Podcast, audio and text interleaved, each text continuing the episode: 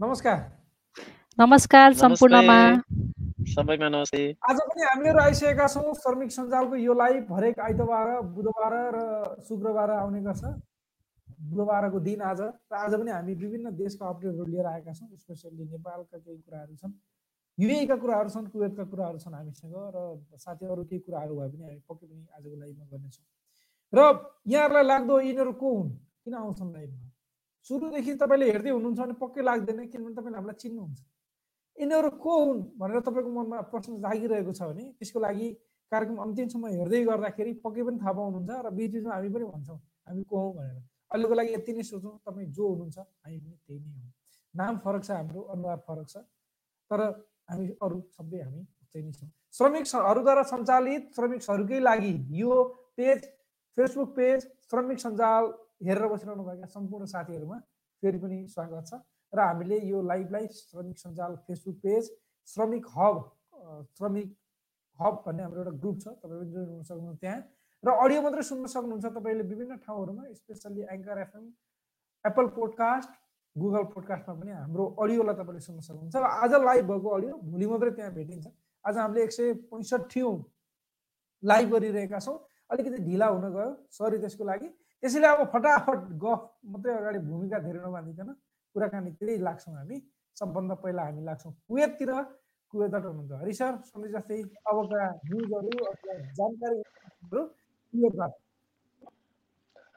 Thank you RB sir Sushma ma'am र सबैलाई नमस्ते। कुवेतबाट अब कुवेतको अपडेटहरू मात्रै भन्दा नि अहिले मध्यपूर्वकै एउटा अपडेट के छ भने सबै देशमा अलिकति कोरोनाको सङ्कट बढेको कारणले सबै देशमा आउने जाने कुराहरू अलिकति कडा बनाइएको छ। एउटा त मौसम पनि अलिकति चिसिएको पनि थियो त्यो कारणले पनि होला।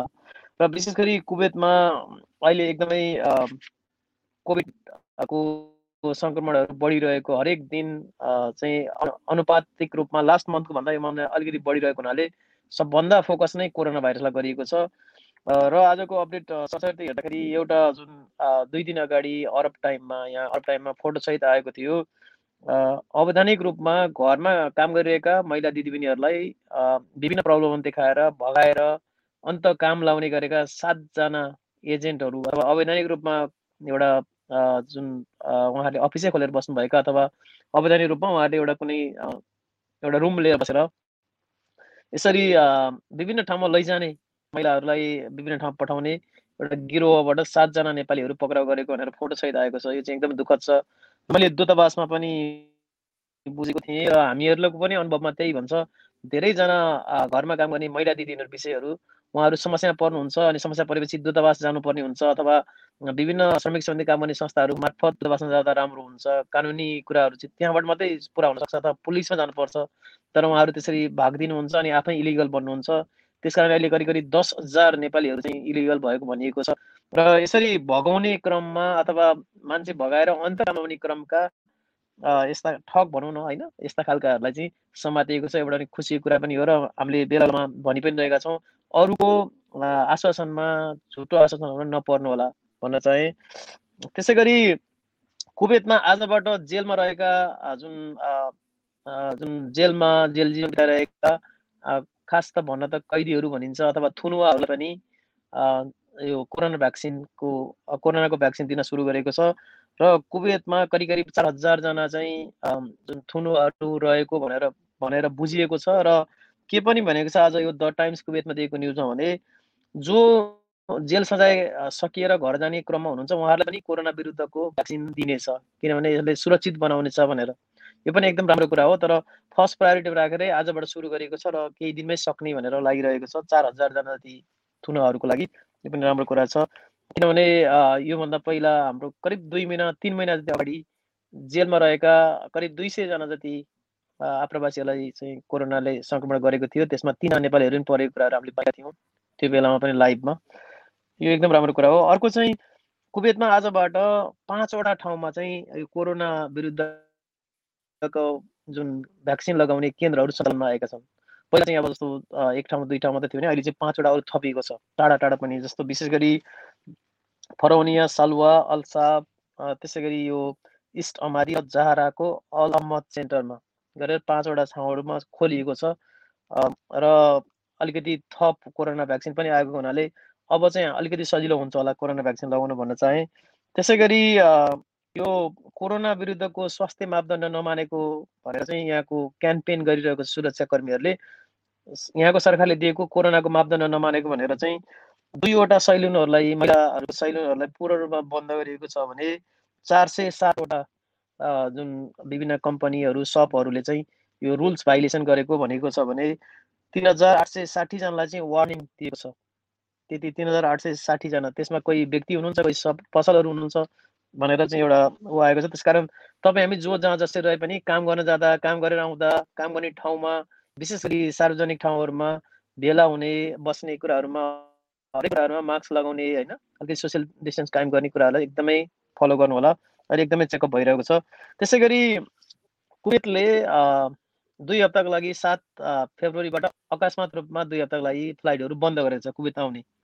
विशेष गरी कुवेतले लिउनै चाहेदेखि आफ्नै नागरिकहरू प्लस कुवेत कुवेत सरकारको जुन गभर्मेन्ट सेक्टरमा काम गर्नेहरू मेडिकल स्टाफहरू र डिप्लोमेटहरू आउन पाउने भनेको छ। तर सम्पूर्ण आप्रवासीहरूलाई आउनको लागि बन्देज गरिएको छ अहिलेको लागि।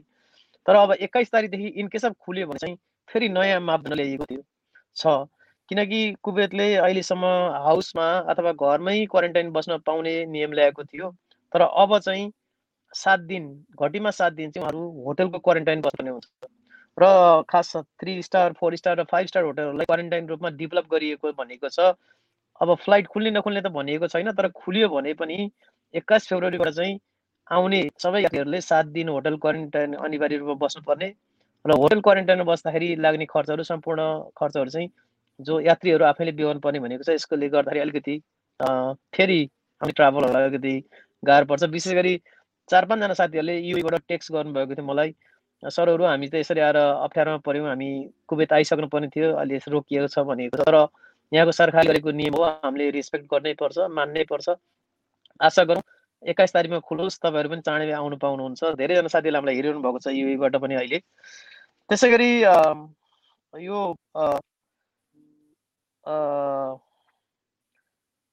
सामुद्रिक तटमा जस्तो समुद्रको बिचहरूमा रहेको जुन अस्थायी टेन्टहरूलाई हटाउन थालिएको छ। पहिला चाहिँ अलिकति गर्मी हुन्छ अथवा कपडाहरू राख्ने ठाउँ होइन एउटा बस्ने ठाउँहरू टक्क जताततै हुन्थ्यो। अहिले हटाउन थालेको छ त्यसलाई किनभने धेरैजना मान्छेहरूले जुन कोरोनाको प्रकोप बढेपछि पनि हरेकपल्ट जाने ओर्ने जम्मा गर्ने आदि गरेपछि त्यसलाई हटाउन थालिएको छ। आजबाट सुरु गरेको पुरै हटाउन थालेको पिक्चरहरू जताततै दिएको छ र गार्डनहरूमा पनि अनावश्यक रूपमा नजाने अथवा ठुलो क्राउडेडहरू नगर्नु भनेर चाहिँ यहाँ निर्देशन आएको छ। विशेष गरी ग्यादरिङ चाहिँ नगर्नुहोस् भनेको छ। अब बिस्तारै यसलाई अलिक कडाइ बढेको छ। र समुद्र सतहमा भएका सम्पूर्ण अस्थायी टेन्टहरू आजबाट चाहिँ यहाँको नगरपालिकाले हटाउन सुरु गरिसकेको छ। त्यो पनि मैले यहाँ सेयर गरेँ। त्यस्तै गरी धेरैजना साथीहरू यहाँ क्वेसन पनि आउँछ। भिसा सेन्टरले काम गरे गरेन अथवा नयाँ भिसा आउनलाई के हुन्छ ट्रान्सफर हुन्छ हुँदैन। जुन कुवेतमा चाहिँ फेब्रुअरी डिसेम्बरदेखि जनवरीको बाह्रसम्ममा सिस्टम अपडेट गरेर नयाँ सिस्टम राखेको थियो। एउटा आज एउटा न्युज आएको छ त्यो द टाइम्स कुवेतमा। त्यसमा के भनिन्छ भने बाह्र जनवरीदेखि सात फेब्रुअरीसम्म सत्ताइस दिनमा जम्मा जम्मा नौ हजार दुई सय एकहत्तरजना आप्रवासीहरूको भिसा वर्क पर्मिट क्यान्सल भएको छ। यसको मतलब चाहिँ हरेक दिन करिब करिब एक सय पचासीजना आप्रवासीहरूको चाहिँ यो वर्क पर्मिट क्यान्सल गरेको छ। जसमा चाहिँ चार हजार नौ सय उनासयजना चाहिँ कुवेतभन्दा बाहिर रहेका भनेको छ। तर के पनि भनेको छ अर्को भने यो पन्ध्र दिन करिब करिब अब पन्ध्र दिन भयो यो भिसा ट्रान्सफर हुन थालेको अथवा पन्ध्र दिनदेखि अलिअलि दिनमा दुई चारवटा दुई चारवटा भिसाहरू ट्रान्सफर भएका छन्। जम्मा तिन सय बैसठीवटा न्यू वर्क पर्मिट अथवा म ए भन्ने कम्पनीबाट बीमा जाँदैछु भने त्यस्ता मान्छेहरूलाई न्यू वर्क पर्मिट जम्मा तिन सय बैसठीवटा मात्रै सुरु भएका छन्। अहिलेसम्म भिसा ट्रान्सफरिङका कुराहरू कम्प्लिटली हुन सकेका छैनन् भनेर आज न्युज आएको छ। यो चाहिँ चौबिस जनवरीदेखि सात फेब्रुअरीसम्म जम्मा तिन सय बैसठीजनाको मात्रै भिसा ट्रान्सफर भएको अर्को नयाँ कम्पनी गएको भनेर चाहिँ आएको करिब यति सर बिचमा के आयो भने म जोडिनेछु thank you sir RT sir हस् sir thank you thank you so much धेरै धेरै धन्यवाद छ हाम्रा केही साथीहरू जोडिनु भएको छ? नयाँ साथीहरू हुनुहुन्छ भने हामी श्रमिक सञ्जालको लाइभमा छौँ यति बेला। तपाईँ पनि श्रमिक हामी पनि श्रमिक हामी एक आपसमा बसेर गफबाफ गरिरहेका छौँ। यति बेला हामीले विशेष गरी आरपी सर एउटा एउटा कुरालाई नबिर्सिनु होला। हामीले नेपाली दूतावास युएले जुन जारी गरेको एउटा प्रेस रिलिज छ त्यसलाई पनि राम्रोसँग क्लियरली सरले पढिदिनु होला। किनकि त्यसमा क्लियरली भनेको छ जुन भिजिट भिसामा नआउनुको लागि श्रमिकहरूलाई एकदमै राम्रो निर्देश दिएको छ होइन? त्यसले पाउने डिफिकल्टिजहरूलाई पनि भनिएको छ। त्यसलाई चाहिँ अलिकति क्लियरली सरले पनि भनिदिनु होला है त। हुन्छ हस् हाम्रो म्याडम आउँदै हुनुहुन्थ्यो। हाम्रो म्याडमको पालो थियो।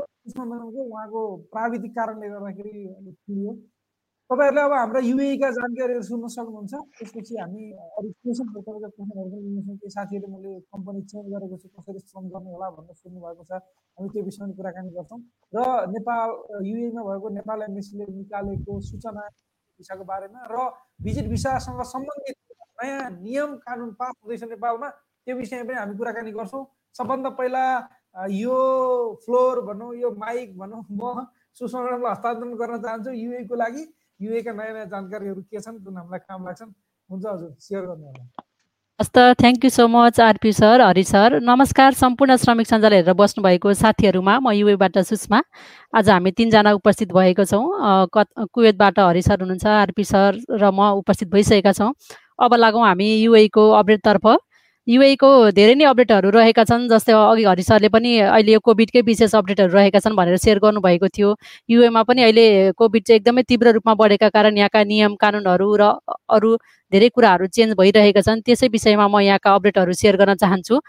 जस्तै अहिले अस्ति अबुधाबीमा सेभेन्टी पर्सेन्ट गभर्मेन्ट स्टाफहरू अबुधाबीका गभर्मेन्ट स्टाफहरू वर्किङ फ्रम होम चलिरहेको छ भनेर अपडेट आएको थियो भने अहिले सार्जाबाट पनि यो फेब्रुअरी फोर्टिनबाट यहाँ सार्जामा सार्जाका गभर्मेन्ट स्टाफहरू फेब्रुअरी फोर्टिनबाट वर्किङ फ्रम हुने भनेर अपडेट आएको छ। किनकि अहिले बढ्दो कोरोना भाइरसका कारण अफिसमा धेरै क्राउडेड गर्नुभन्दा वर्किङ फ्रम होम नै सेफ हुने भएकाले यस्तो नियमहरू चाहिँ अपनाइरहेको छ। त्यसै गरेर अहिले तिस हजारभन्दा बढी कोभिड सेफ्टी भायोलेसन भएको जुन यो टु थाउजन्ड ट्वेन्टी सुरुवातसँगै भएन sorry two thousand twenty one सुरुवातसँगै यो वर्षको सुरुवातीसँगै तिस हजार कोभिड नाइन्टिनका भायोलेसन भएको भनेर पनि अपडेट आएको छ। धेरै व्यक्तिहरूले यो कोभिडका गाइडलाइन्सहरू फलो नगएका नगरेका कारण यसमा पनि विशेष त मास्क नलगाएका धेरै व्यक्तिहरू त्यसै गरी एउटा कारमा तिनजनाभन्दा बढी व्यक्तिहरू चढेर चढेका कारण फाइनमा परेका यस्ता केसहरू र क्राउडेड क्राउडेड गरेर ग्यादरिङ गरेर विभिन्न प्रोग्राम इभेन्टहरूमा पार्टिसिपेट भएका कारण भनेर पनि अपडेट आएको छ। त्यसै गरेर लास्ट एपिसोडमा मैले सेयर गरेको थिएँ एउटा याचमा धेरैजना व्यक्तिहरू क्राउडेड गरेर मास्क नलगाई सोसियल डिस्टेन्सलाई फलो नगरी गाइडलाइन्सहरू फलो नगरी त्यसरी पार्टीहरू सेलिब्रेट गर्ने क्रममा अर्गनाइजरलाई पचास हजार दिराम फाइन दिएको थियो भने त्यसमा इन्भल्भ भएका पर व्यक्तिहरूलाई पन्ध्र हजार यहाँको युए दिराम चाहिँ फाइनमा परेको थियो भनेर पनि अपडेट आएको छ। त्यसै गरेर आज आएको अपडेट अनुसार आजबाट नै फेब्रुअरी टेनबाट रसल खेमामा वेडिङ पार्टीहरू र विभिन्न इभेन्ट हलहरू चाहिँ क्लोज गरिएको छ। यो चाहिँ मार्च फाइभसम्मको लागि भनेर अपडेट आएको छ। यो सबैको रिजन भनेको अहिले एकदमै कोरोनाको केसहरू बढिरहेको छ र पार्टीहरू गर्ने क्रममा व्यक्तिहरूले चाहिँ कोभिडका रुलहरू फलो नगरेका कारण केसहरू अझ तीव्र रूपमा फैलिएकोले यसलाई कन्ट्रोल गर्नका लागि पनि यहाँको नियमहरू अहिले एकदम स्ट्रिक्ट भइरहेको छ। त्यसै गरेर अहिले जो व्यक्तिले कोभिड नाइन्टिन यो पिसिआर टेस्ट नेगेटिभ रिपोर्ट नआएमा नेगेटिभ रिपोर्ट नभएका व्यक्तिहरूले यहाँ सार्जामा पुलिस स्टेसन जाँदाखेरि उहाँहरूलाई चाहिँ अलाउड गरिने छैन भनिएको छ। कुनै कामले पुलिस स्टेसन जानु परेमा सार्जामा चाहिँ यो विशेष सार्जाको लागि भनिएको छ। उहाँहरूले आफूसँग पिसिआर टेस्ट गरिसकेर नेगेटिभ रिपोर्ट भएको खण्डमा मात्रै त्यहाँ इन्ट्री पाउनुहुनेछ भनिएको छ। र अर्को महत्त्वपूर्ण न्युज जस्तै त्यसै गरी कोभिड नाइन्टिनकै रुल रहेको छ। रसल खेमाका विभिन्न गभर्मेन्ट सेक्टरहरूमा जाँदा अफिसहरूमा जाँदा दुइटै कोभिड नाइन्टिनका भ्याक्सिनेसन लिइसकेका व्यक्तिहरू उहाँहरूसँग त्यो पेपर भइसकेपछि मात्रै इन्ट्री पाउनुहुनेछ भनेर पनि अपडेट आएको छ। यो सबै रिजन चाहिँ अहिले कोभिड केसहरू एकदमै बढेका कारणले सबै सेक्टरहरूमा एकदमै स्ट्रिक गरिएको छ। त्यसै गरेर अहिले यो अनलाइन जू अनलाइन जू पनि केही समयका लागि त्यहाँ गरिने विभिन्न इन्टरटेनमेन्टका अतिरिक्त क्रियाकलापहरूलाई चाहिँ सस्पेन्ड गरिएको छ साथै त्यहाँको अपरेटिङ आवरलाई पनि अलिकति घटाइएको छ भनेर अपडेट आएको छ। त्यसको टाइमिङ रहेको छ morning ten AM to six पिएमसम्मको लागि मात्रै अहिले टाइम रहेको छ भनेर अपडेट आएको छ। र यसै क्रममा अहिले दुईजना व्यक्तिहरूले यो सायद फुजेरामा जस्तो लाग्छ कार कार कुदाउँदाखेरि एकदमै स्पिड ओभर स्पिडको गतिमा कार कुदाएर त्यहाँ नजिकै रहेको एउटा सपमा चाहिँ एकदमै ड्यामेज गरिएको छ एक्सिडेन्ट गरेर सपलाई नै ध्वस्त पारिएको छ भनेर त्यो व्यक्तिहरूलाई एकजना व्यक्तिलाई छ हजार पाँच सय दिरामका हिसाबले दुईजनालाई फाइन लगाइएको छ भनेर पनि अपडेट आएको छ। हामीले ड्राइभिङ गर्ने साथीहरूले यसरी ड्राइभिङ गर्ने क्रममा पनि एकदमै होसियार हुनुपर्छ। आफू साथसाथै हामीले अरूको लागि पनि एकदमै सोच्नुपर्ने हुन्छ। सायद त यस्तै अपडेटहरू रहेको छ। ए एउटा एकदमै महत्त्वपूर्ण अपडेट रहेको छ। यो सबैजना युएमा रहनु भएको साथै अरू देशको साथीहरूलाई पनि अहिले थाहा पाइसक्नु भयो होला। युएको यो मासन मिसन चाहिँ एकदमै कम्प्लिट भइसकेको छ। यो मार्स मिसन कम्प्लिट भएको छ। यो एउटा युएले चाहिँ एउटा इतिहास नै रच्न सफल भइसकेको छ। आफ्नो पहिलेदेखिको एउटा सपनालाई भनौँ न पुरा गरिसकेको छ। र यसमा चाहिँ मा मार्चमा पुगेर मार्च सम्बन्धी रिसर्च गर्ने पाँचौँ देशमा युए पर्न सफल भएको छ भनेर पनि अपडेट आएको छ।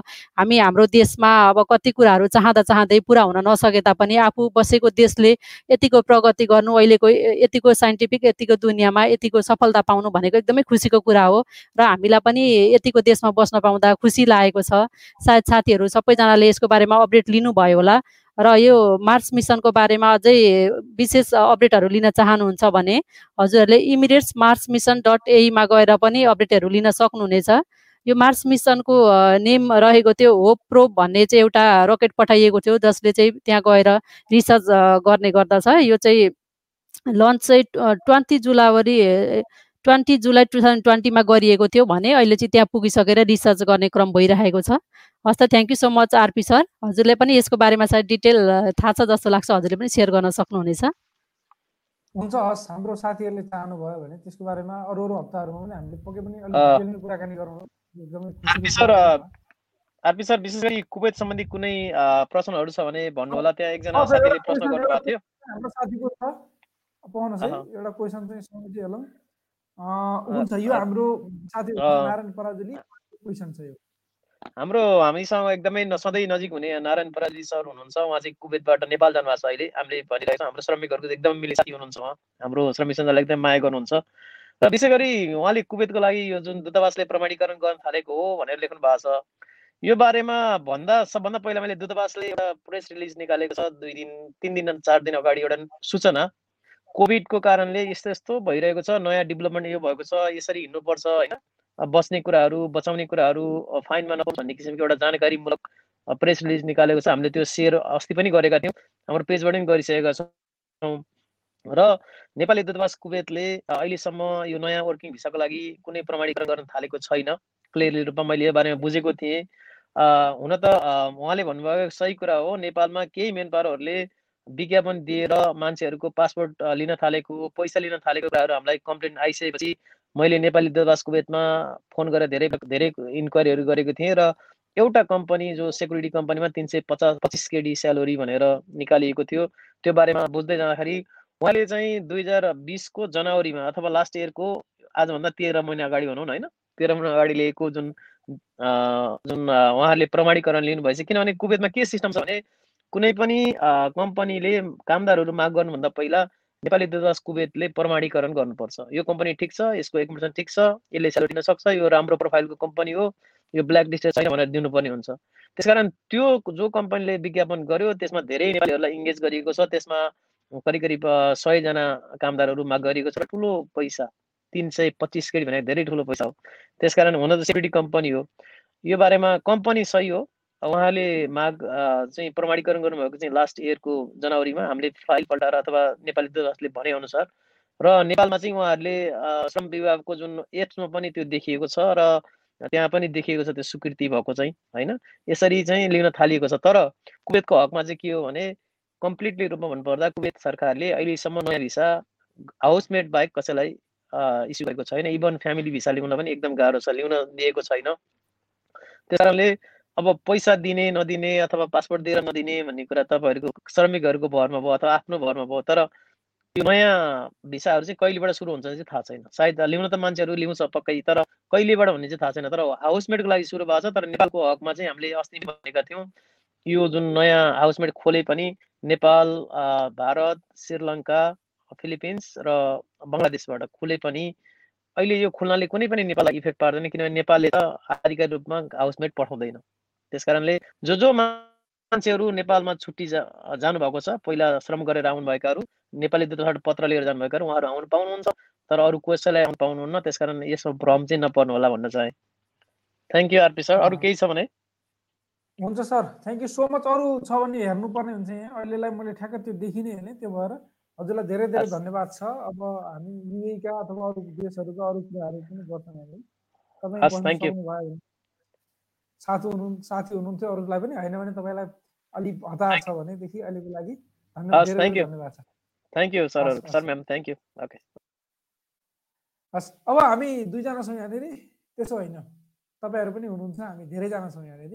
अब हामी कुराकानी गर्छौँ तपाईँहरूको कमेन्टहरू लिन हामी कोसिस गर्दैछौँ। र त्योभन्दा पहिला हरिसरले पनि भन्दै हुनुहुन्थ्यो एमबिसीले निकालेको एउटा सूचना। सायद यो भिडियो जसले हेरिरहनु भएको छ अहिले सबैलाई थाहा छ। भिजिट भिसामा युए आउनु नेपालबाट काम गर्नको लागि एकदम डेन्जर हो। भिजिट भिसामा आउनु डेन्जर होइन। तपाईँ आउन सक्नुहुन्छ घुम्न सक्नुहुन्छ जान सक्नुहुन्छ केही डेन्जर होइन। तर तपाईँलाई केही पनि थाहा छैन घुम्नको लागि होइन काम गर्नको लागि युए भिजिट भिसामा आउनु डेन्जर हो। दुई चारवटा रिजनको कारणले गर्दा। नम्बर वान त तपाईँले तपाईँसँग कुनै स्किल छैन भने तपाईँ भिजिटमा युए आएर ठ्याकठुक काम पाउनुहुन्छ आजको भोलि नै र काम गर्न सकिहाल्नुहुन्छ भन्ने होइन। किनभने देश चेन्ज हुने बित्तिकै हाम्रो समस्या सिचुएसन समस्या सबै चिजहरू चेन्ज हुन्छ र हामीले पहिलोचोटि अझ आउँदैछौँ युएमा भनेदेखि त कतिसम्म समस्या हुनसक्छ भने हामीले काम गर्ने पद्धति नै फरक हुन्छ सबभन्दा पहिलो कुरा। अब अर्को कुरा ल युए पनि आइयो काम पनि पाइयो काम पनि गरियो। भनेदेखि यो अवस्थामा कुनै घटनाहरू घटे। केही भयो। भनेदेखि न कल्याणकारी कोष न वैदेशिक रोजगार विभाग न इन्सुरेन्स लगायत केही चिजले पनि हामीलाई हेर्दैन। अब पाप काम पाइएन र अलपत्र पऱ्यो भने हामीलाई हेर्ने कोही पनि हुँदैन। हामीले यो विषयमा धेरै कुराकानी गरेका छौँ र एम्बेसीले यसको सूचना पनि निकालेको छ। त्यही भन्न खोज्नु भएको हामीले हरेकचोटि भन्छौँ।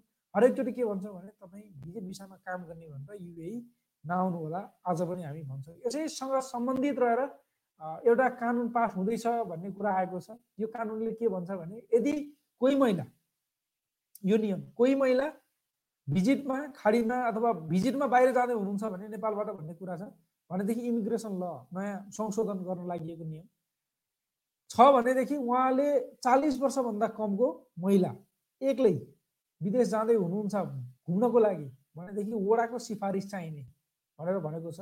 यो चाहिँ तपाईँलाई कस्तो लाग्छ? कोही साथीले हेर्दै हुनुहुन्छ तपाईँ यसको बारेमा चासो राख्नुहुन्छ भने तपाईँले कमेन्ट पनि लेख्न सक्नुहुन्छ कमेन्टमा पनि लेख्न सक्नुहुन्छ। यो के यस्तो हुनुपर्छ? तपाईँलाई लाग्छ यो सही हो? कोही महिला एक्लै विदेशमा घुम्नको लागि जाँदै हुनुहुन्छ भने वडाको सिफारिस चाहिन्छ। मतलब उहाँ सजिलै नर्मल अरू अरू प्रोसेस मात्रै गरेर जान सक्नुहुन्छ। लगायत अर्को एउटा नियम पनि त्यहीसँग सम्बन्धित जस्तै कोही भिजिटमा जाँदैछ भने पन्ध्र लाख बराबरको इन्सुरेन्स पनि गर्नुपर्ने भन्ने कुरा पनि छ। त्यो पास हुन बाँकी भएको नियम अब पास हुने नहुने पास भइसकेपछि फेरि होला। त्यो नियम भयो भने फेरि बिमा पनि गर्नुपर्ने हुन्छ। जसरी टर्म इन्सुरेन्स हुन्छ त्यो पनि टर्म इन्सुरेन्सै हुन्छ पन्ध्र लाख बराबरको। नर्मल्ली अरू इन्सुरेन्स हुने कुरा त भएन त्यसमा। अब यो यो नर्मली दुइटा कुराहरू मलाई सेयर गर्नु मन थियो मैले सेयर गरेँ। अब हामी क्वेसनतिर लाग्छौँ। तपाईँहरूको क्वेसन छन् भने हामी यहाँ हेर्छौँ छोटा छोटा। त्यसपछि आजको कार्यक्रमबाट हामी आगे जानेछौँ। जो साथीहरूले कमेन्ट गर्नुभएको छ thank you so much madam यो हजुरलाई थाहा छ। हजुर सर मलाई अस्ति चाहिँ थाहा थियो सर अहिले मैले फेरि ठ्याक्कै नाम बिर्सेँ। म अर्कोचोटि एपिसोडमा म हजुरलाई यसो आइडिया भएमा सेयर गर्नेछु। अहिले चाहिँ मलाई ठ्याक्कै थाहा भएन। जस मलाई यहाँ छ भन्ने कुरा चाहिँ मलाई थाहा छ सर तर त्यो नाम के हो भन्ने कुरा मलाई याद भएन कि। कहाँ तपाईँ कहाँनिर हुन सक्ला? तपाईँ जानु भएको छ छैन नि। तपाईँले रासन खेमा लाउनु हो कि सारजामा? हजुर मैले त सार्जामै लगाएको हो तर त्यहाँ पहिले पिसिआर टेस्ट गरिन्थ्यो त्यहाँनिर पनि अहिले कोभिड भ्याक्सिनेसन प्रोग्राम भइरहेको छ भने चाहिँ सुनेको मैले त्यो नाम चाहिँ ठ्याक्कै बित्सेँ कि।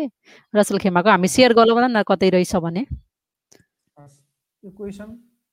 त्यसै गरी चन्द्र भूषालजीले लेख्नु भएको छ हजुर सर म दुबईबाट मेरो कम्पनी चेन्ज गरेको अनलाइन श्रम हुन्छ कि हुँदैन? भन्नुभएको छ।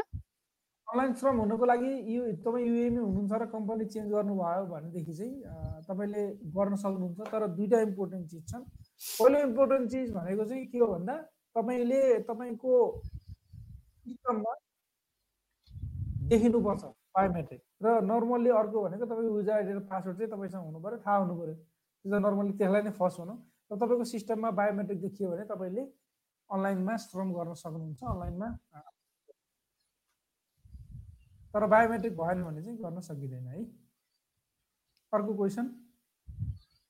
त्यसै गरी सुदेश नेपालजीले लेख्नु भएको छ नेपालै हुनुहुन्छ होला सर एनपिएल लेख्नु भएको छ।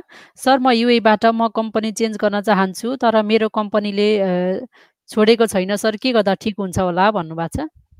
अब कम्पनीले किन छोडेको छैन? तपाईँले कति समयको लागि त्यहाँ काम गर्न खोज्नु भएको थियो? तपाईँको कम्पनीसँग के कम्पिटमेन्ट छ? त्यो सबै चिज हेरेर हुन्छ। तपाईँ भर्खर आउनु भएको आएको पाँच सात भर्खर एक वर्ष भयो अथवा तपाईँले जुन जे भनेर आउनु भएको थियो त्यसैमा काम पाउनु भएको छ। मतलब तपाईँ एकदम आफ्नोमा राइट हुनुहुन्छ तर कम्पनीले गलत गरिरहेको छ भने तपाईँ छोड्नु सक्नु होइन तपाईँ एउटा एउटा जुन एग्रिमेन्ट गरेर आउनु भएको थियो भने कम्पनीले अलिकति होइन तपाईँ त यही भन्न आउनु भएको गर्नै पर्ने हुन्छ भनेर पेल्न पनि सक्छ त्यो अवस्था। तर यस्तो अवस्था हो भने अब तपाईँले नर्मली कन्डिसन जस्तो छ त्यो तपाईँले बुझ्नु र यता रुल्सको हिसाबले तपाईँले कमसेकम लिखित रूपमा रेजिग्नेसन दिनुभयो एक महिनाको। भनेदेखि अब तपाईँलाई कम्पनीले छोड्न सक्ने चान्स हुन्छ।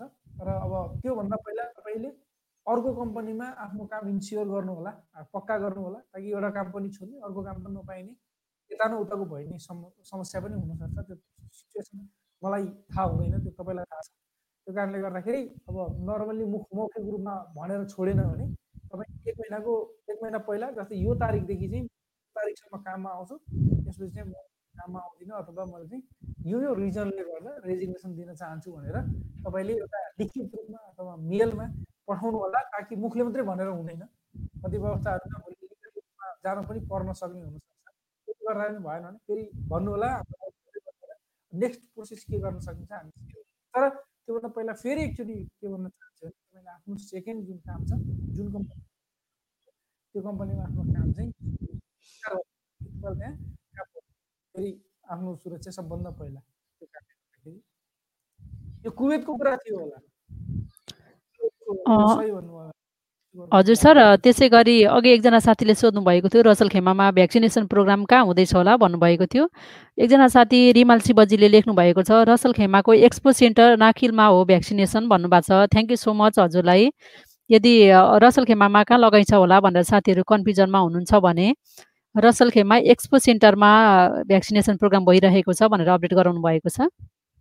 यही हो कम्युनिटी भनेको यही हो सहयोग थ्याङ्क यू सो मच उहाँलाई हाम्रो साथीले यसको एन्सर दिनुभयो। अहिले कमेन्टहरू दिइरहँदाखेरि तल भेटिन्छ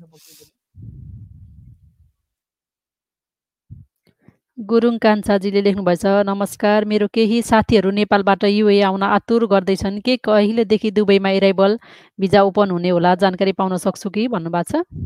अब अराइबल भिजा भन्नाले हामीले नर्मल बुझ्ने गरेको भिजा अन अराइबल भन्ने हुन्छ त्यो त दुबईसँग कहिले होइन र सायद कहिले होला थाहा छैन होइन त्यो पछि भयो भने तर अहिलेको लागि उहाँले जस्तै दुईवटा अप्सन होला एउटा त नयाँ खुल्ला भन्ने एउटा होला त्यो पनि खुलेको छैन र अर्को भनेको अप्रुभल नलिकन सजिलै भिजा भएको साथीहरू सजिलै कहिले फर्किन सक्नु होला भन्नु भनेर हामी पनि आशा गर्छौँ छिटै उहाँहरू फर्किन्छ भन्ने विषयमा। उहाँले सायद कतारको अपडेटको लागि सोध्नु भएको होला। कतारको लागि कोही हुनुहुन्छ भन्नुभएको छ? कतारको लागि त हामीसँग साथीहरू हुनुहुन्छ तर लाइभमा चाहिँ उहाँहरू उपस्थित हुन सक्नु भएको छैन। तर उहाँहरूले कतारको अपडेटहरू हामीलाई पेजमा हाम्रो श्रमिक सञ्जाल पेजमा पठाइरहनुहुन्छ। हामीले सेयर गरिरहेका छौँ। हजुरले श्रमिक सञ्जाल पेजमा गएर पनि हेर्न सक्नुहुनेछ कतारको अपडेटको लागि।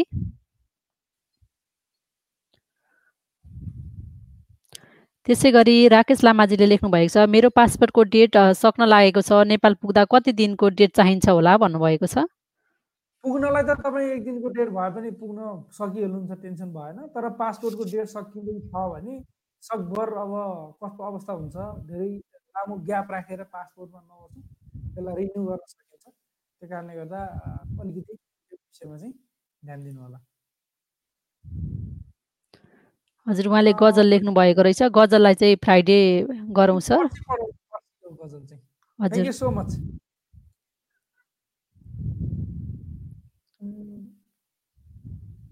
अरू अरू अरू हेर्दैछु म यहाँनिर। त्यसै गरी विनोद सरले साथीले जो हामीले हामीले क्वेसन सोधेका थियौँ अथवा सेयर गरेका हजुर सर। यो विषयमा मलाई पनि केही अलिकति भन्न मन लागेको थियो उहाँले पनि सेयर गर्नुभएको छ। नारायण पराजुली सरले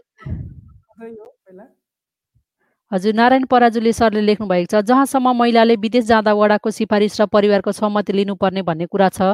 झट्ट सुन्दा महिलाको लागि विभेद देखिन्छ तर समग्रमा विश्लेषण गर्नुपर्दा ठिक हो जसमा बेचिने र ठगिने कार्य कम हुने र पारिवारिक रूपमा सहमति हुँदा सधैँ रिलेसन राम्रो पनि हुन्छ। यो उहाँको विचारमा राम्रो छ होइन। एक किसिमले हेर्दाखेरि यो मैले पनि आज यो न्युज देखेको थिएँ। अब मेरो एउटा पर्सनल विचारमा भन्नुपर्दा एक किसिमले उहाँले नारायण सरले भन्नुभयो जस्तै राम्रो छ र अर्को एक किसिमले हेर्ने भन्दाखेरि जस्तै अब कति कुराहरू त महिलालाई अब होइन कति कुराहरू समस्या पारिवारिक एउटा समस्या पारिवारिक एउटा सहमति नहुँदा हुँदैन नि त कति घरमा मैले विशेष गरेर हाम्रो एउटा नेपाली सोसाइटीमा हेर्ने भने छोरी बुहारीहरू बाहिर जाने बाहिर जाने विदेशमा जाने जब गर्ने भन्दाखेरि अलिकति झट्ट हाम्रो परिवारले चाहिँ सुरुमा नस्वीकार्ने किन जानु पर्यो र यतै केही गर्नुपर्छ या जानु हुँदैन भन्ने खालका अलिकति त्यस्ता कुराहरू पनि आउँछन्। त्यो कारणले गर्दा उहाँहरूको एउटा स्वतन्त्रतामा चाहिँ कन्ट्रोल भयो कि भन्ने जस्तो पनि लाग्छ। मेरो विचारमा चाहिँ त्यस्तो लाग्छ। कति अब परिवारहरूले नबुझेको खण्डमा चाहिँ उहाँहरूले चाहँदा चाहँदै पनि आफूले आफूले गर्न खोज्नुभएको कार्यहरू गर्न नसक्नु होला जस्तो पनि देखिन्छ जस्तो लाग्छ। आरपी सर मेरो पर्सनल विचारमा चाहिँ। एकदमै यसको बारेमा अब धेरै यसका दुई चारवटा पाटाहरू ठ्याक्कै यस्तै नै होला भनेर अब के होला भन्दाखेरि नर्मल्ली यो चिजले झन् धेरै बढ्न पनि सक्छ। ह्युमन ट्राफिकिङ भनौँ न अलग गलत बाटाहरू। यसरी सजिलै यसरी जान यसरी जान्न पाएपछि यसरी लाने भने मान्छेले झन् धेरै ठग्नु पनि सक्ने गलत तरिकाले युज पनि गर्न सक्ला अब धेरै चिजहरू हुनसक्छ। र उहाँले भने जस्तो त्यो फेरि सही पनि हुन्छ किनभने परिवारको सहमति भयो भने राम्रो कुरा यो विषयमा हेर्दै के हुन्छ सबै साथीहरूको यसमा प्रतिक्रिया। अब मैले आफ्नो पुरै फुल प्रतिक्रिया चाहिँ हजुर सर हो। म चाहिँ एउटा महिला भएको हिसाबले गर्दाखेरि सर एउटा होइन कहिलेकाहीँ अब परिवारमा हुन्छ नि महिलालाई त एउटा कति अब हाम्रो महिला हिंसा पनि भइरहेका हुन्छन् घर परिवारमा। त्यो कारणले गर्दा महिलाहरू चाहिँ म आफै इन्डिपेन्डेन्ट भएर केही गर्न चाहन्छु म परदेश जान्छु अब परिवारको लागि पनि केही सोच्नुपर्छ भनेर जान चाहँदा चाहँदै पनि त्यस्तो कन्डिसनमा आफ्नो श्रीमानको परिवारको स्वीकृति नपाउँदाखेरि झन् महिलाहरू चाहिँ थप समस्यामा पर्ने हुन् कि जस्तो पनि हुन्छ कि जस्तो लाग्छ मेरो चाहिँ पर्सनल आफ्नो विचार। एकदमै तपाईँको यो पर्सपेक्टिभ अलग अलग हो सबैका सिचुएसन अलग अलग हुन्छन् त्यो भएर धेरै माइन्ड धेरै कुराहरू आउँछन् त्यो राम्रो हो म्याडम सही भन्नुभयो। यसमा फेरि अर्को एउटा कुरा पनि हुन्छ घरमा अब हुनसक्छ हस्बेन्डसँग नराम्रो छ बच्चाहरू घरको एकदम नजिकको रिलेटिभ्सहरूले चाहिँ अप्रुभल दिए पनि हुने भन्ने आउन सक्ला। जब समस्या आउँछ त्यसपछि समस्या समाधानहरू खोज्न थालिन्छ। ठिकै छ अहिले मलाई ठिक बेठिक भन्नुभन्दा पनि। ल अहिले यतिकै छोडौँ तपाईँलाई अझै यसको बारेमा अरू बसहरू गर्दै गरौँला है। हजुर हो। त्यसै गरी उपेन्द्र लेख्नु भएको छ सर दुबईमा पहिला भिजिटमा आएर अब छुट्टी घर जाँदैछु।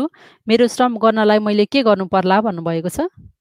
तपाईँसँग जुन कम्पनीमा काम गर्नु भएको छ त्यो कम्पनीको अफर लेटर चाहिँ लिएर नेपाल जानु होला। श्रम विभागमा त्यो बुझाउनु पर्ने हुन्छ।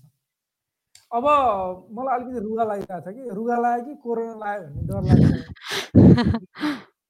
नेपालमा सर मौसम चिसो छ अब अलिकति चिसोको कारण रुगाखोकी हुनसक्छ? तेस्रो चौथो त्यस्तै लाग्छ मलाई। अनि फेरि मेरो घरमा एकदम लाग्छ सबैलाई रुगा लाग्छ। कोरोना पनि त्यस्तै। सबैलाई लाग्छ नि त घरभरि। अनि रुगा लाग्यो कि डर? डर त लाग्न त्यति छोड त्यो पनि अलिकति कोरोना पो हो कि भन्ने त्यस्तो लाग्दो रहेछ कि। ओके अब एउटा साथीले ओके यो मोहन सापकोटा हामीलाई सोध्नुहुन्छ। एउटा सर एउटा लगाएको सिला बोर्डरमा अहिले अबुधाबी मुसाफामा कुन हस्पिटलमा लगाउन पाइन्छ भन्नुभएको छ। पक्कै पनि उहाँले लाउनु कोभिड नाइन्टिन विरुद्धको भ्याक्सिनै होला होइन। अरू त के लाउनु आएन होला। त्यो भएर उहाँलाई मैले त्यो भन्छु तपाईँको अहिले मुसाफामा लाइफ केयर हस्पिटल ट्वेन्टी फोरमा छ नियर भिलेज मलको नजिकै छ। त्यसपछि लाइफ केयर हस्पिटल बाहिर एलएलएच हस्पिटल मुसाफा सेभेन मुसाफामा अनि क्लिनिक मुसाफा इन्डस्ट्री ठाउँहरूमा लाउन सक्नुहुन्छ। ओके अब हामी अरू क्वेसनहरूतिर पनि लाग्ने कोसिस गर्दैछौँ यहाँनिर। अब हाम्रो साथीहरूले। उहाँकै क्वेसन है अहिले पनि। हजुर सर। यसको क्लियर भइसक्यो तपाईँले गुगलमै पनि सर्च गर्नुभयो भने पनि भेटिन्छ। उयो एकजना साथीले क्वेसन सुन्नु भएको छ। राज सुवेदीजीले लेख्नु भएको छ गाडीमा जम्मा दुईजना मात्र हिँड्न पाउने भनिएको कुरा आएको छ। कुरा के होला? ड्राइभर र अर्को एकजना मात्र भन्छन् लौन जानकारी पाऊँ भन्नुभएको छ। मैले चाहिँ आफूले मैले आफ्नो एक्सपिरियन्स अनुसार म पनि अब कहिलेकाहीँ ट्याक्सीमा हिँड्दाखेरि चाहिँ होइन तिनजना पाइन्छ। अहिलेसम्मको नियमअनुसार तिनजना। आज पनि एउटा अपडेट हेरेको थिएँ। त्यसमा चाहिँ एकजना ड्राइभर र ड्राइभरको साइडमा रहेको सिटमा चाहिँ बस्न पाइँदैन र ब्याकमा दुईजना गरी विथ ड्राइभर गरी चाहिँ तिनजनासम्म चाहिँ एउटा ट्याक्सीमा ट्राभल गर्न पाइने भनेर अपडेट आएको छ? अब हजुरले कहाँको बारेमा सोध्नुभयो होला? अहिले युएमा चाहिँ तिनजनासम्म अलाउड छ भनिएको छ।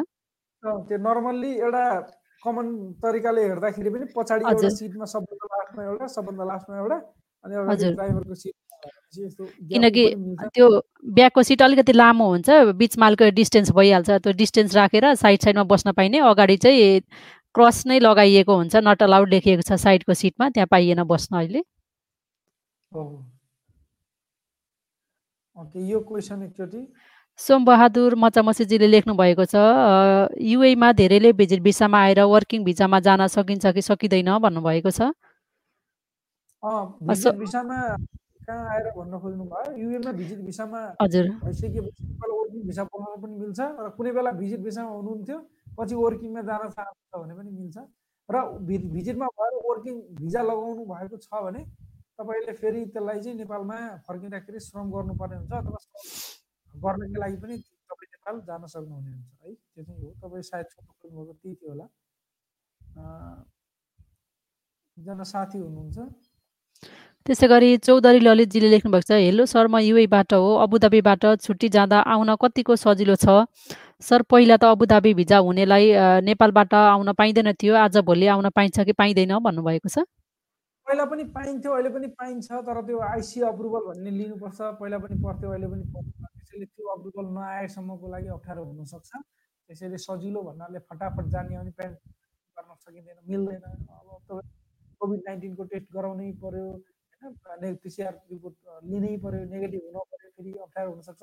यस्ता पहिला सुरु सुरुमा जस्तो त छैन तर फेरि कोभिड नाइन्टिन सुरु हुने बित्तिकै र फ्लाइट खुल्ने बित्तिकै जस्तो अप्ठ्यारो पनि छैन।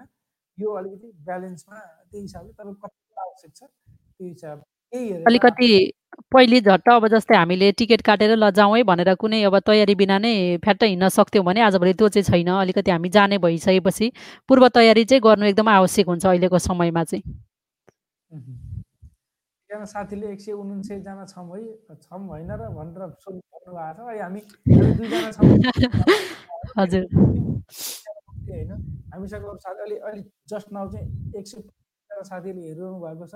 दुई सय बाइसजनाले चाहिँ हामीलाई रियाक्सन पनि गर्नुभयो। यसको मतलब दुई सय बाइसजनाले कहीँ न कहीँ हेरेर फेरि आउट पनि हुनुभयो होला। जो जो साथीहरूले हामीलाई हेर्नुहुन्छ उहाँहरूलाई धेरै धेरै धन्यवाद छ। फेरि एकचोटि हामी भन्न चाहन्छौँ श्रमिक सञ्जालको यो लाइभ भरे आइतबार बुधबार र शुक्रबार आउने गर्छ। शुक्रबार आउने शुक्रबार चाहिँ हामी तपाईँका रचना तपाईँका कुराहरू सुन्छौँ तपाईँका आफ्ना कुराहरू सेयर गर्न सक्नुहुन्छ हामीसँग। त्यहाँनिर हामीले तपाईँको सहभागिता जनाउन सक्नुहुन्छ तपाईँको सहभागिता चाहन्छौँ पनि। र हामीले हाम्रो एउटा वेबसाइट पनि भर्खर लन्च गरेका छौँ त्यसमा हाम्रो पहिल्यैदेखि मोडिफाइड गरेर तर अहिले अङ्ग्रेजीमा कन्टेन्टहरू धेरैका छौँ विषयवस्तुहरू नेपालीमा नै आउँदैछ। र यदि तपाईँहरू पनि त्यसमा जोडिन चाहनुहुन्छ श्रमिक सञ्जाललाई तपाईँले राम्रोसँग बुझ्नु भएको छ श्रमिक सञ्जाल भन्नाले श्रमिक हामी को हौँ भनेर कसैले सोध्नुहुन्छ भने हामी तपाईँ नै हौँ तपाईँ हामी सबै सँगै उस्तै हौँ। र पनि एउटा नेटवर्किङ छ जुन हामी एक आपसमा फ्रिक्वेन्टली अथवा नर्मली कम्युनिकेसनमा रहिराख्न चाहन्छौँ रहिराख्छौँ भनेदेखि एउटा सञ्जाल चाहिन्छ त नेटवर्क चाहिन्छ एउटा मिडियम चाहिन्छ होइन। जस्तै अहिले तपाईँले हामीलाई हेर्नु अनि भोलि कता जानुहुन्छ आफ्नो काम गर्नुहुन्छ सकियो अब कुनै बेला चाहियो भने आउनु होला।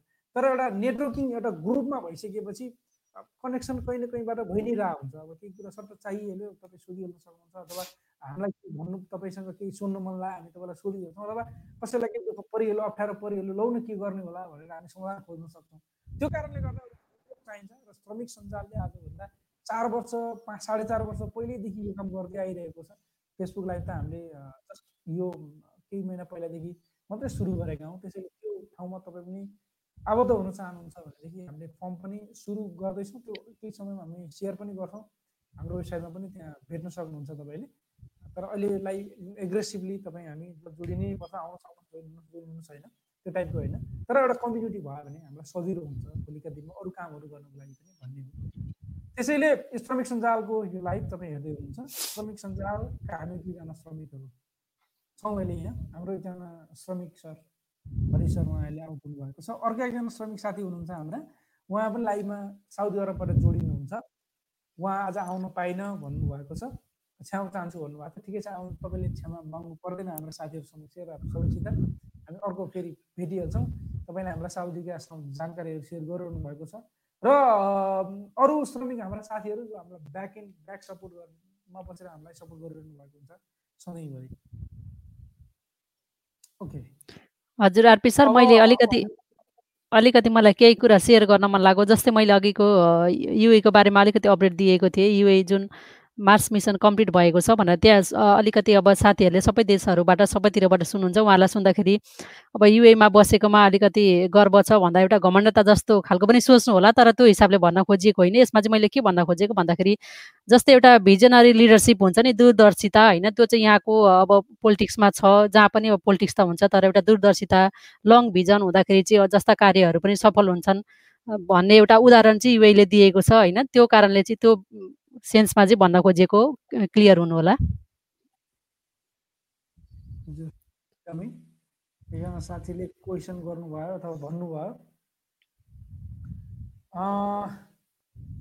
भइहाल्छ तपाईँ क्वेसन पऱ्यो भने तपाईँलाई समस्या नपरोस् सबभन्दा पहिलो कि हाम्रो उद्देश्य के हो भने कसैलाई पनि समस्या नपरोस्। र कहिले समस्या पर्नुपर्छ भन्ने छैन। हामीलाई क्युरियोसिटी पनि हुन्छ। ओहो यो के होला भन्ने हुन्छ। त्यो हो भने पनि हामी सेयर गर्न सक्छौँ। हाम्रो कोही साथीलाई त्यसको बारेमा आइडिया हुनसक्छ। उहाँले त्यो चाहिँ सेयर गर्नुहुन्छ। सिम्पल कुराहरू हुनसक्छन् कतिपय चिजहरू। त्यो कारणले गर्दाखेरि।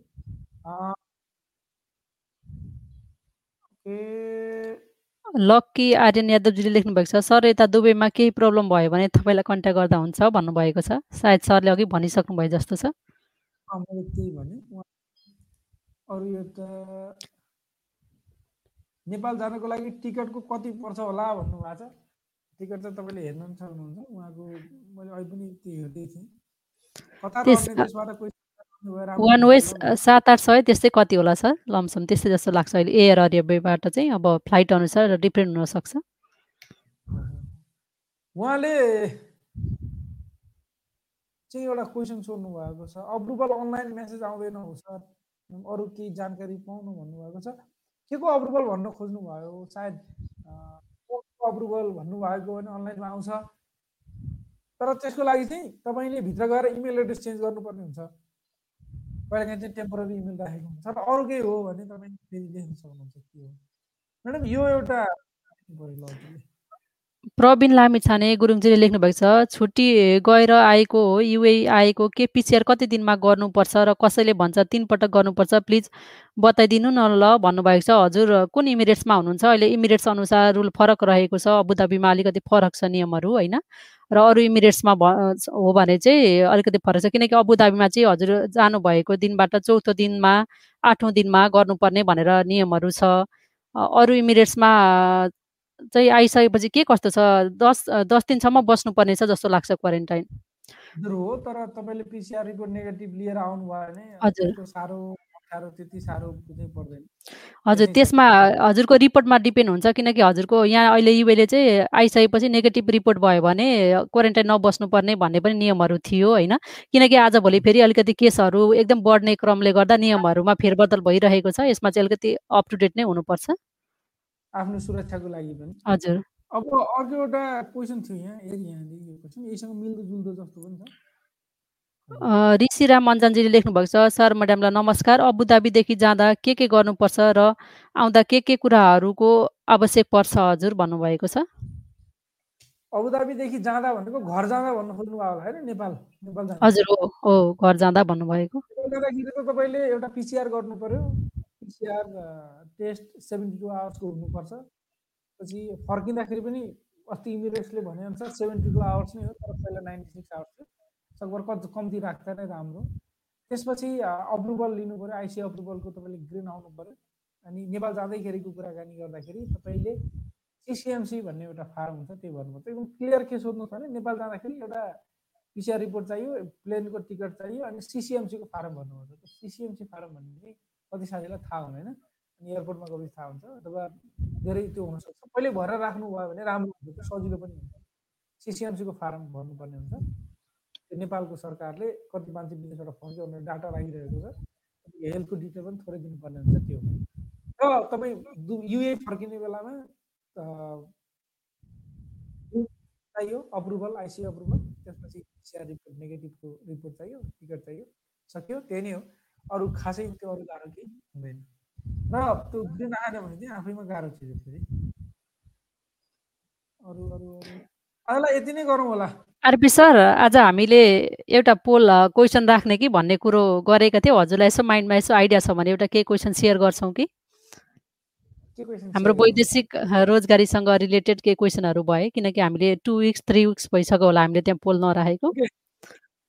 आज हामी एकदमै सजिलो क्वेसन सोध्छौँ तपाईँहरूलाई। तपाईँहरूले चाहिँ त्यसको क्वेसनको एन्सर हामीलाई दिनु होला हाम्रो ग्रुप छ हब भन्ने श्रमिक चौतारी भन्ने हाम्रो एउटा ग्रुप छ। त्यो ग्रुपको लिङ्क पनि हामी यहाँ यो कमेन्टमा सेयर गर्छौँ। तपाईँ त्यहाँ गएर दिनु होला क्वेसन छ आजको लागि। यो अर्को बुधबार हामीले भन्दैछौँ। हामी जब श्रम गर्छौँ वैदेशिक रोजगारीमा जाँदाखेरि हामीले वैदेशिक रोजगार विभागमा अथवा हाम्रो लागि एउटा कल्याणकारी कोष भन्ने त्यो कल्याणकारी कोषको बारेमा सायद धेरैलाई थाहा छैन जस्तो लाग्छ मलाई। कतिलाई थाहा छ? थाहा छ छैन आज हामी भन्छौँ तपाईँलाई। सायद यसको डिटेलमा पनि भन्न पाइन्छ पछि। यो सबैलाई मिल्दोजुल्दो भएको होइन भने कन्ट्री स्पेसिफिक पनि सोध्न सकिन्छ। तपाईँले कल्याणकारी कोषको लागि कति पैसा तिर्नुहुन्छ? क्वेसन नम्बर वान कति पैसा तिर्नुहुन्छ कल्याणकारी कोषको लागि? कति वर्षको लागि हुन्छ त्यो र नर्मल्ली कति वर्षलाई कति हुन्छ र त्यसले कति पैसा कभर गर्छ। अथवा हामीलाई इनकेस अफ त्यो कलाकारी कोषको पैसा तिर्दा तिरेर हामी विदेशमा छौँ र त्यो बेलामा हाम्रो इनकेस अफ डेथ भयो अथवा केही भयो भने हाम्रो फ्यामिलीले कतिको क्षतिपूर्ति पाउँछ। हो यो क्वेसन एउटैमा आउँछ त्यो पोल पनि हामी लेखौँला। त्यो पोलको सबै अप्सनहरू तपाईँले केही पाउनुहुन्छ? हाम्रो श्रमिक तपाईँले गएर सहभागिता जनाउन सक्नुहुनेछ। अर्को बुधबार हामी यसको एन्सर लिएर आउनेछौँ। होइन म्याडम कस्तो लाग्यो क्वेसन हजुर सर राम्रो लाग्यो अहिले सबैजनालाई होइन थाहा हुनुपर्ने कुरा हो। यो एकदम इम्पोर्टेन्ट क्वेसन रहेको छ। अब अरू मैले सोध्न मन लागेको थियो युएमा कतिवटा युनिभर्सिटी युनिभर्सिटीको नाम त्यो त सजिलो छ सर। अप्सन चाहिँ नदिइराख्ने भने।